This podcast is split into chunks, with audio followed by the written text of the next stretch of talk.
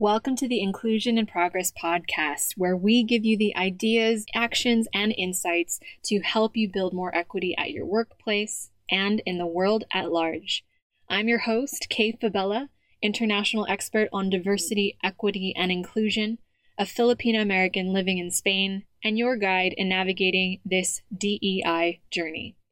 Having worked with teams at companies such as Philips, the IMF, Red Hat, PepsiCo, and more, I know firsthand that the work of inclusion only works when everyone has a seat at the table.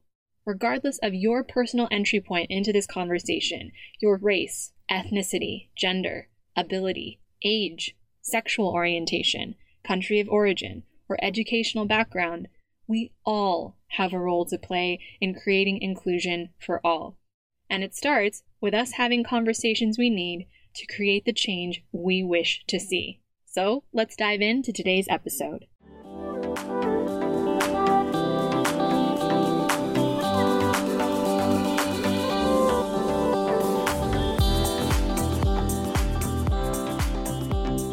On this episode of Inclusion in Progress, we're pleased to welcome Michelle Roberton. Michelle is a certified professional in talent development.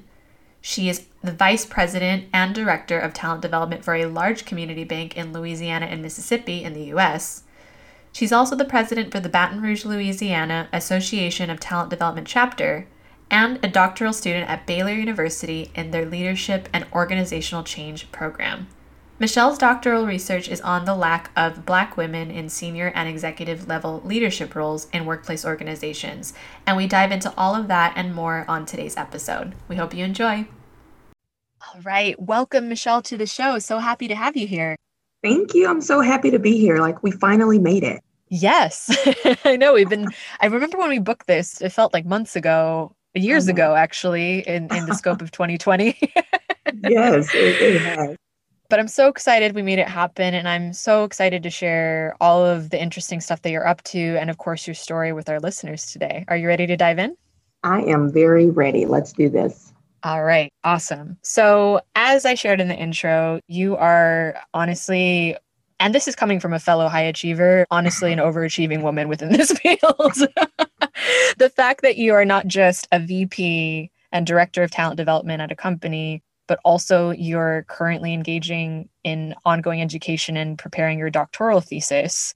You're living and studying and breathing it every day. And I love that. So you have so many lenses into this conversation. But yeah. before we dive into all the cool things that you're up to, I'd really love to take people back to how the work of diversity, equity, and inclusion was, we'll say, thrust upon you via your lived experience and things that you've experienced along the way and how you ended up where you are today.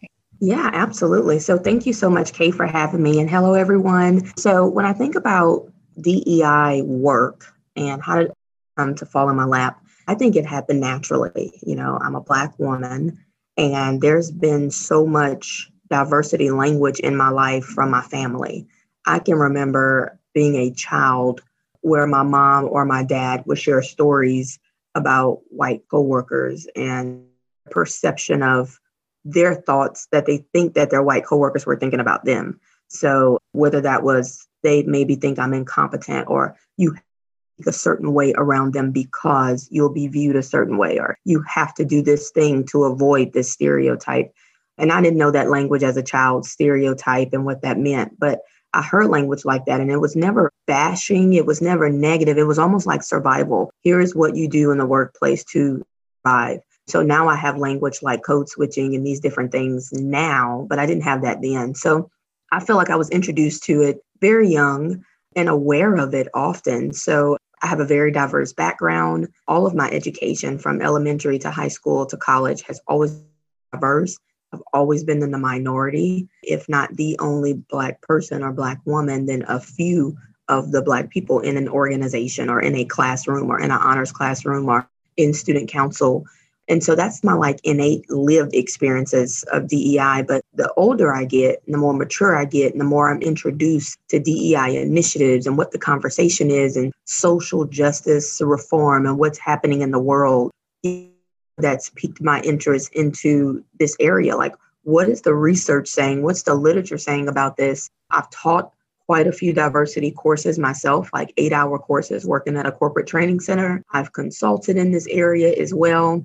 And I follow what's going on in the culture as well. So I kind of marry my innate childhood exposure and experiences with what's being said academically and socially. And I use that to advise others. I use it to train and to teach and to have these kind of conversations that are really helping to build inclusiveness. I love that. And like you said, it's so interesting because most of the people who join this work or the most active advocates and practitioners in this work are people who it's been thrust upon. And it just breaks my heart every time I hear, especially for Black colleagues that we have on the podcast, on the show, you know, clients of mine, they all say that I didn't have a choice in this because this was the experience that I lived right. with. I was aware of this before I even had vocabulary for it. Right. And it there's just so much power in that as then being the root of okay now i understand that i have vocabulary around it well, now what's the system around it and what is my place in this and how can i create change in the workplaces around me and the people around me and the communities around me so it's literally lived experience and what you know that your community and people like you that come after you would benefit from from things being changed. And i can definitely speak to that and i honor that in your story. So thank you for sharing that with us. Yeah absolutely so I know that as of the time of recording, you're just coming off of a night class, which honestly, you're a superhero, um, where you're in the midst of preparing your thesis, and it's around the lack of Black women in senior and executive level leadership roles within workplaces and organizations. And I know, wow, that that is five podcast episodes on its own.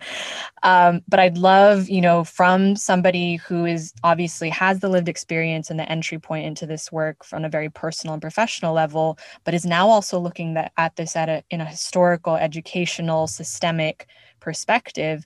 What have you seen and what have you learned, and what are you noticing in terms of maybe gaps in the research? Because as we know there's so many things that we still need to fix. Yeah. but since it's so top of mind for you can you share with us what it is that you're finding what it is that you're seeing?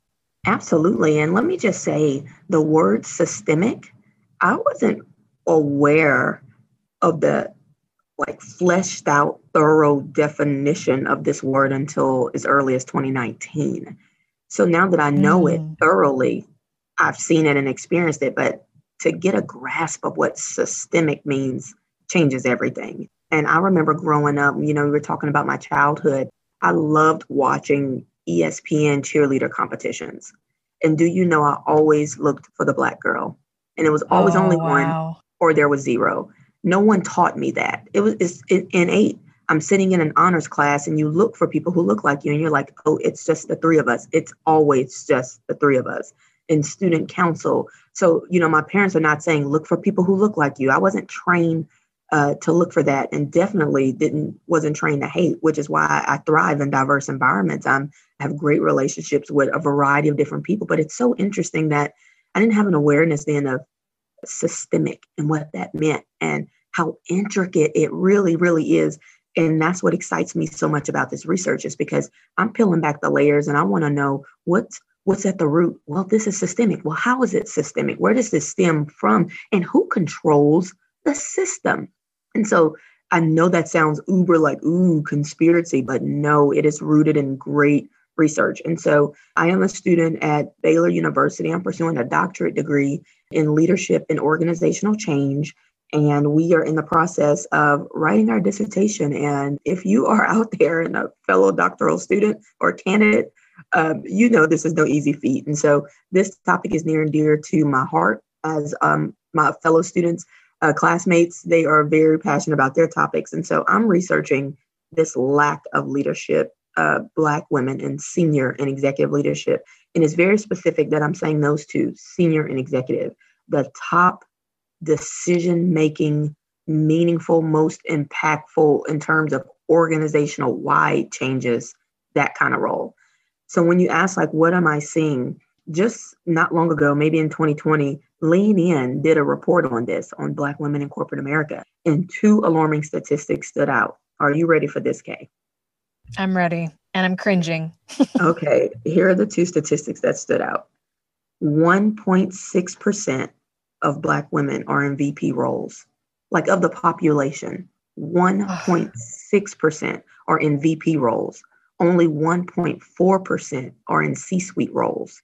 And so that's alarming. Uh, 30 uh, white men make up 35% of the population, and 1.6 of Black women are in VP roles, and 1.4 in C suite. When I look at the literature doing my research, I'm finding a couple of things. I'm finding that we have a leadership prototype. I would say in America, but I would say in the world probably. My study is probably largely based in America, North America. So the leadership prototype tends to be favorable to white men and then second, white women. And that's definitely backed up by tons of research. I came across this really interesting study that intrigued me. It, I, I didn't even think of this concept. And so a couple of researchers did this study and they wanted to know people's social identity connection to God as being a white male and how that correlates to people seeing white men as being fit for leadership or boss like. And the results were wow. alarming. Alarming. White men who saw God as a white man also equated white men as CEOs and boss like. But guess who else did? Black women did, Black men did, atheists did, Christians did. It's the stereotype. This all knowing, all powerful God is portrayed often as a white man. And so white men are seen as like they are fit to lead. And so that was something I didn't expect to come across in my research. There are some more common things that you would expect I came across, things like uh, the barriers to Black people in general being in leadership, like not fitting that customary leadership prototype hey, you're not white, you're not a man. Can you even lead? Also, there's this perpetuation of white culture and ideals in the workplace that can either consciously or unconsciously marginalize people. Things like when I say the perpetuation of white culture, hairstyles become an issue because Black women whose hairstyles might be in dreads or might be their natural curly hair that is different. That's not customary. That's not the type. An accent your word choice. So, slang that might be spoken by people of color might be frowned upon, and attire or this polish. They might not see this polish or this perception of what polish is. And that could be seen as a barrier. Institutional racism has come up in the research. And then the last one I'll mention that's really big that came up in the research is this social likability from white senior leaders. So, kind of like the in crowd. Mm. If we don't like you, we don't know you, they're going to pigeonhole you to this one position. If you are the manager of the cafeteria, I can't see you being the CEO. You're so good there. But who works in the cafeteria? Hispanic and Black people.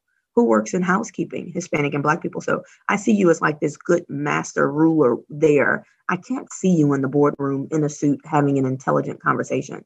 That's harsh, but that's the reality as well.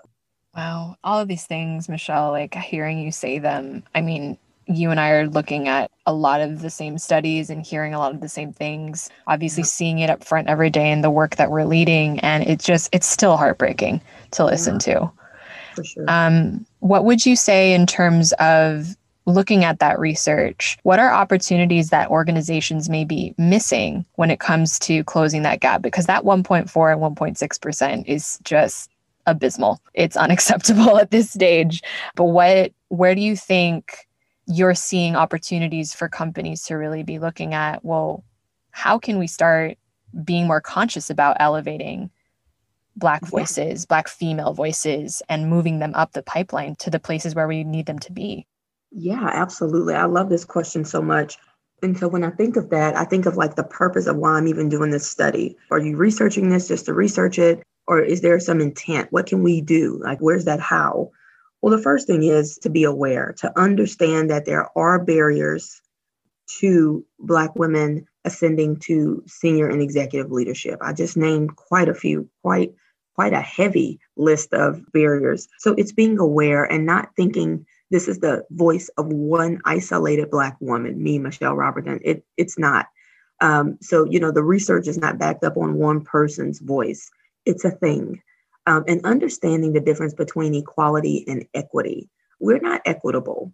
We're not starting with the same resources. We don't have the same path outlined. So it's being aware. And even when defensiveness raises up is to check that. Where is that coming from? Do I think they're being dishonest about it? Do I think they're over exaggerating? What is a resource that I can read for myself that doesn't confirm my bias, but really is going to give me this objective view?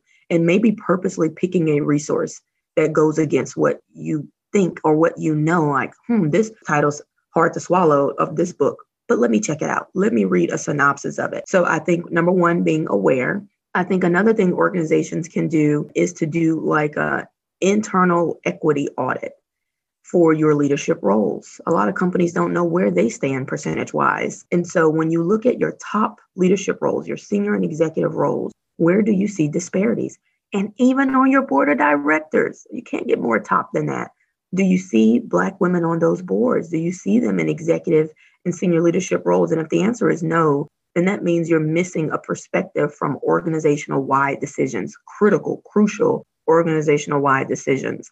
If you look around the table and you look around the room and everybody looks like you, thinks like you, makes around the same amount of money you make, kind of had a similar path, you are certainly missing perspectives as well. I would also say, too, is organizations can be aware of unknown and known perks associated with dominant demographics, like being a white man or being a white woman. The buzz phrase that's been going around is, you know, white privilege.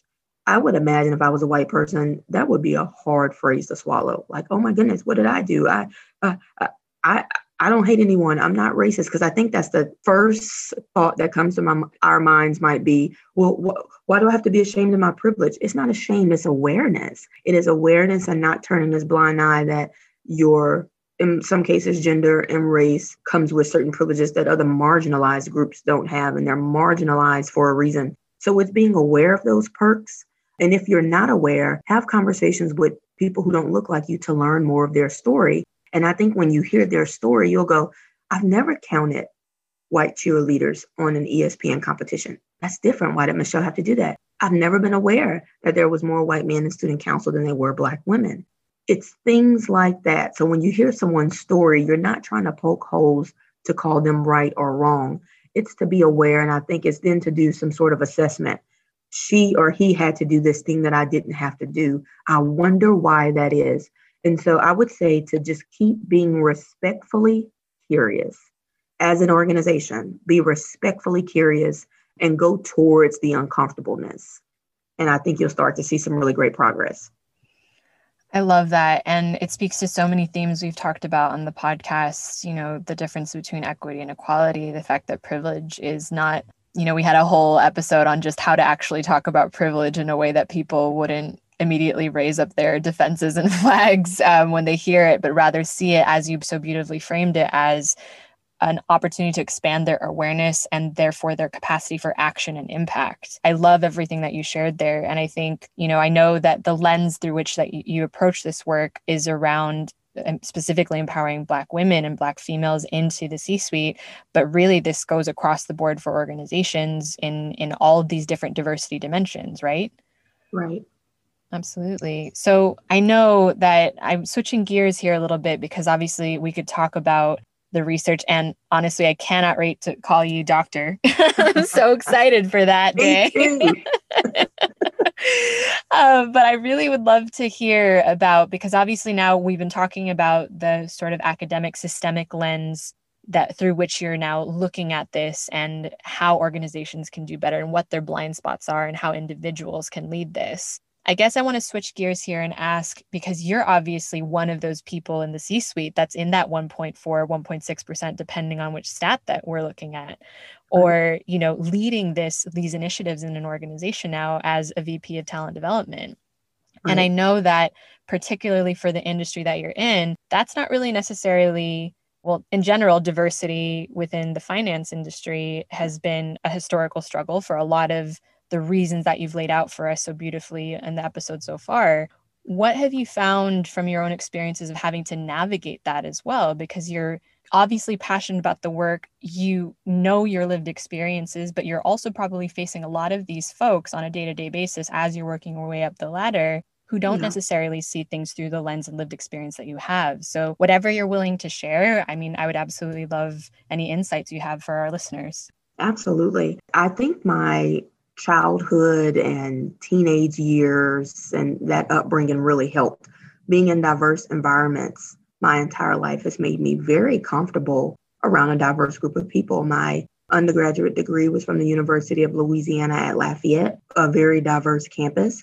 Uh, so every class was diverse, every group was diverse, but that exposure was so important because I didn't have to minimize my voice. You get used to and you get a lot of practice of speaking up and engaging and seeing yourself as equal and not waiting on anybody to give me permission to see myself as equal. That's been me my whole life.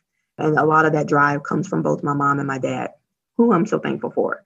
And so, because I have that, I've used that professionally in my career. I don't wait on anyone to validate me. I don't wait on anyone to invite me.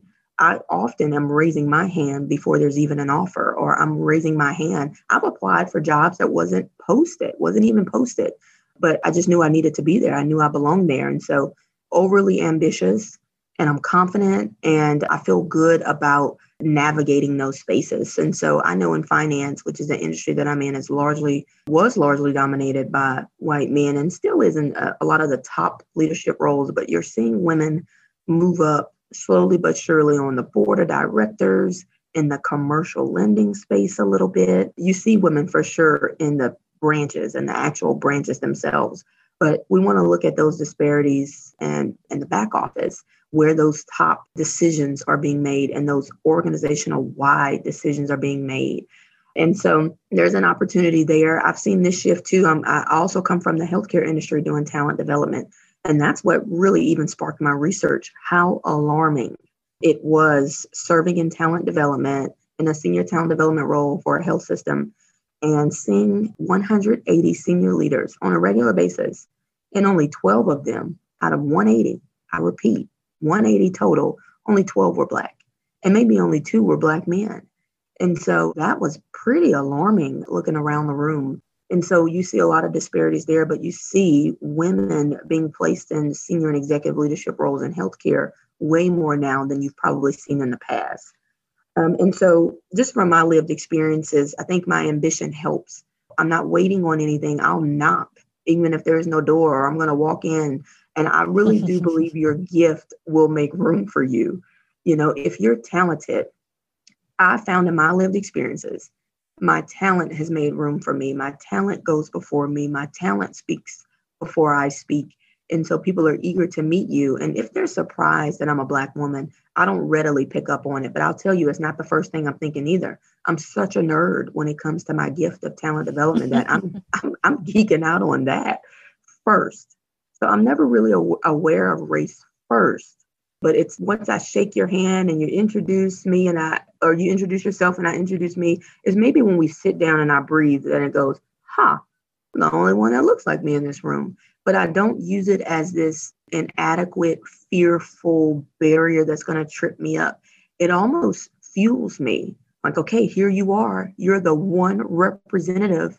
Do your culture proud be the best representative that you can be. And maybe right here, right now, you can be the spark that changes the narrative in their minds or whatever they're thinking, the bias, the stereotypes. Even if they go, huh, I didn't expect that out of her. Well, now you know, and I'm setting the I'm setting the pace and the tone and the bar for every black woman that's coming after me. We are competent and we are capable. Oh, I love that so much, especially the piece about my talent will create space for me. It's just, oh, that hit me. Oof, I felt really good. you Thank you what? for sharing that. I just wanted to say one of my favorite quotes, like love this quote so much, is by Maya Angelou. And she says, I come as one, but I stand as 10,000. 10,000. Mm-hmm. Oh, that like oh, makes so me good. emotional because that is my view. If I am the only Black woman, then I'm all the Black women. And I stand on the shoulders of some pretty tall Black women my mom and my aunts and my grandmother and Coretta Scott King and Maya Angelou and Cicely Tyson. Well, I'm going to stand tall and I'm going to be the best representation. So the next time you meet a Black woman, your stereotypes are going to be so conflicted because you're going to remember me and you're going to have such a pleasant, hopeful expectation of the next one. So I want to create room for the next one.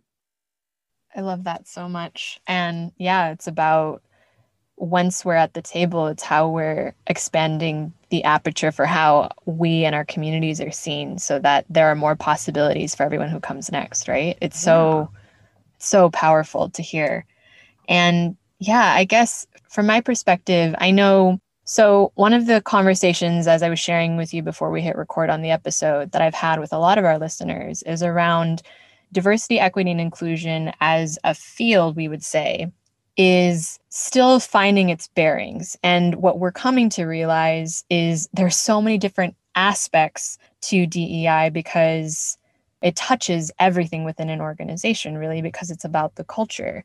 But within DEI, there are so many different aspects of how you can create more inclusion, how you can build equity or design for equity, and how you can encourage and embrace and retain diversity in all its different facets and all in different dimensions. And I know a part of that is talent development. And so I'm curious to hear, as somebody who obviously geeks out on this stuff, loves this stuff, and could talk about it for hours, where do you see talent development and DEI working hand in hand? Do they overlap? Is one going to lead to the other? Are they one and the same? How, where does it sit for you from your perspective as somebody who's now leading this within an organization? I love this question so much.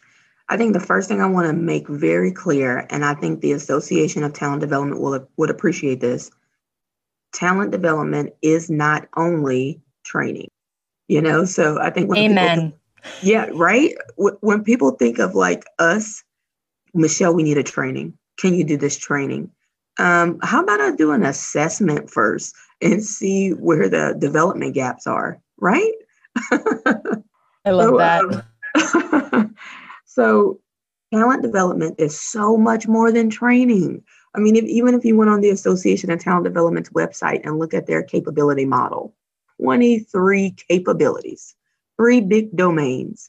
And some of them are instructional design, some are coaching, some are consulting, some are emotional intelligence, some are communication. We're all those things, but we're mostly like we're holistic development, development of the whole person. Um, so not just this one thing. And so when I think of your question, I see talent development helping organizations get very good about assessing the needs assessment. That's the first thing. Um, I cannot prescribe a solution if I don't understand what's wrong. A doctor shouldn't give you medicine if they have not done a full workup on you and ran every test. Well, why do we expect the same thing from talent development? So I don't see talent development doing a whole bunch of training without an assessment. And so I'd like to see us partner with organizations to create what those assessments are, what questions are we asking to audit DEI efforts and initiatives within the workplace, brainstorming solutions, talking through what those solutions look like if we actually implement them. And most importantly, here's the big one evaluating this stuff. Did it work? And, mm-hmm. and what do, mm-hmm. you know what I'm saying, Kay? Like, did, and what do we want to work? So, are we even identifying here are the goals of this solution? Okay, goals one, two, three. Well, once a solution is um, implemented, how do we know that it worked? And we have to stop in talent development getting so little feedback and believing that our initiative worked. So, and you've seen this before where a trainer does a class and there's 50 people in the class and five people come up to you and go, Oh my goodness, I love that. You're so good. And you walk out there with your shoulders held back and you're like, I nailed it.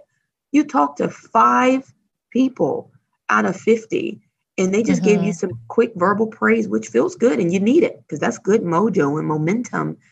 But what what do you really want to know here? How have you used the stuff that we just talked about?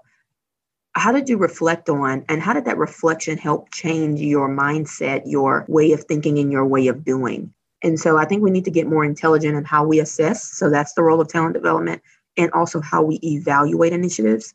And then how do we pivot it's okay if we didn't meet this goal. What can we do differently? Don't throw the whole initiative out. How might we clean it up? But I think we start with the needs assessment first and be honest about the gaps. I have found in my experience that no one wants to take the time to do the assessment. We just want the solution. We just want the diversity speaker. We want the $10,000, $20,000 high keynote speaker to come and speak to all of our senior leaders. And we think in 60 minutes, they will change minds and we will pacify the organization with this 60 minutes of feel good. But yet you still mm-hmm. don't have mm-hmm. Black women in senior leadership roles. And yet You still have most of your entry level frontline people as Black people. There's still a gazillion disparities in your organization, and you've checked the box to offer a solution, but we haven't assessed what's really wrong. Because what if what's really wrong doesn't require a training solution?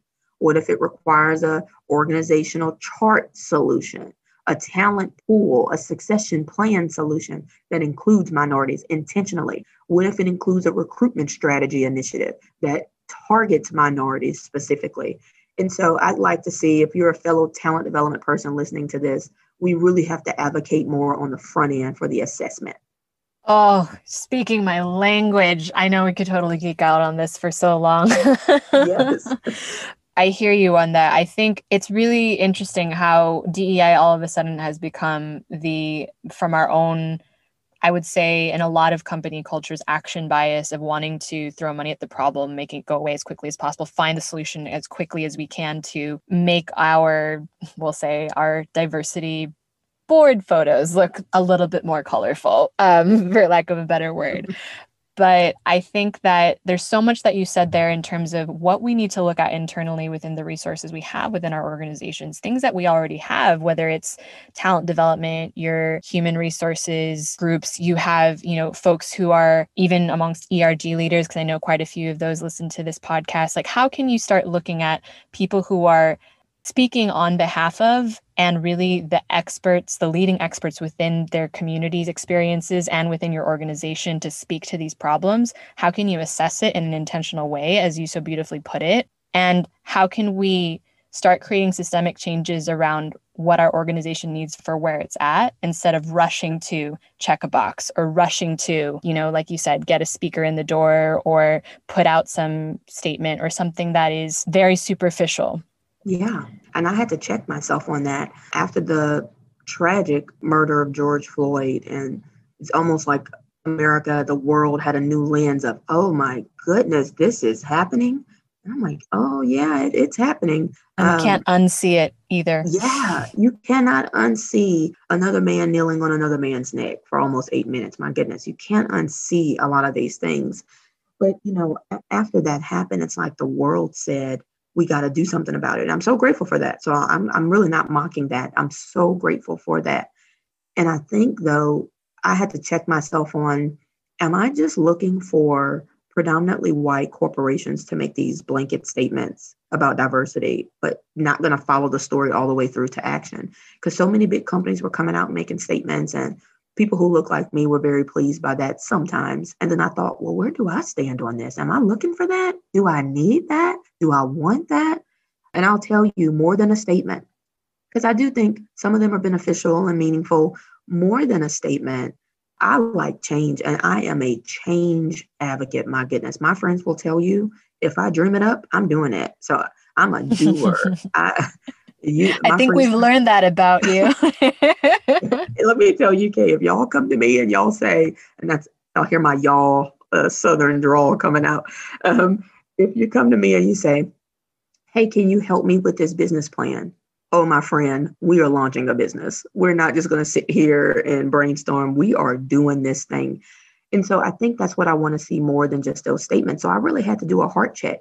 Are you just looking for a check in the box too, Michelle, for Nike or whomever to make this awesome statement?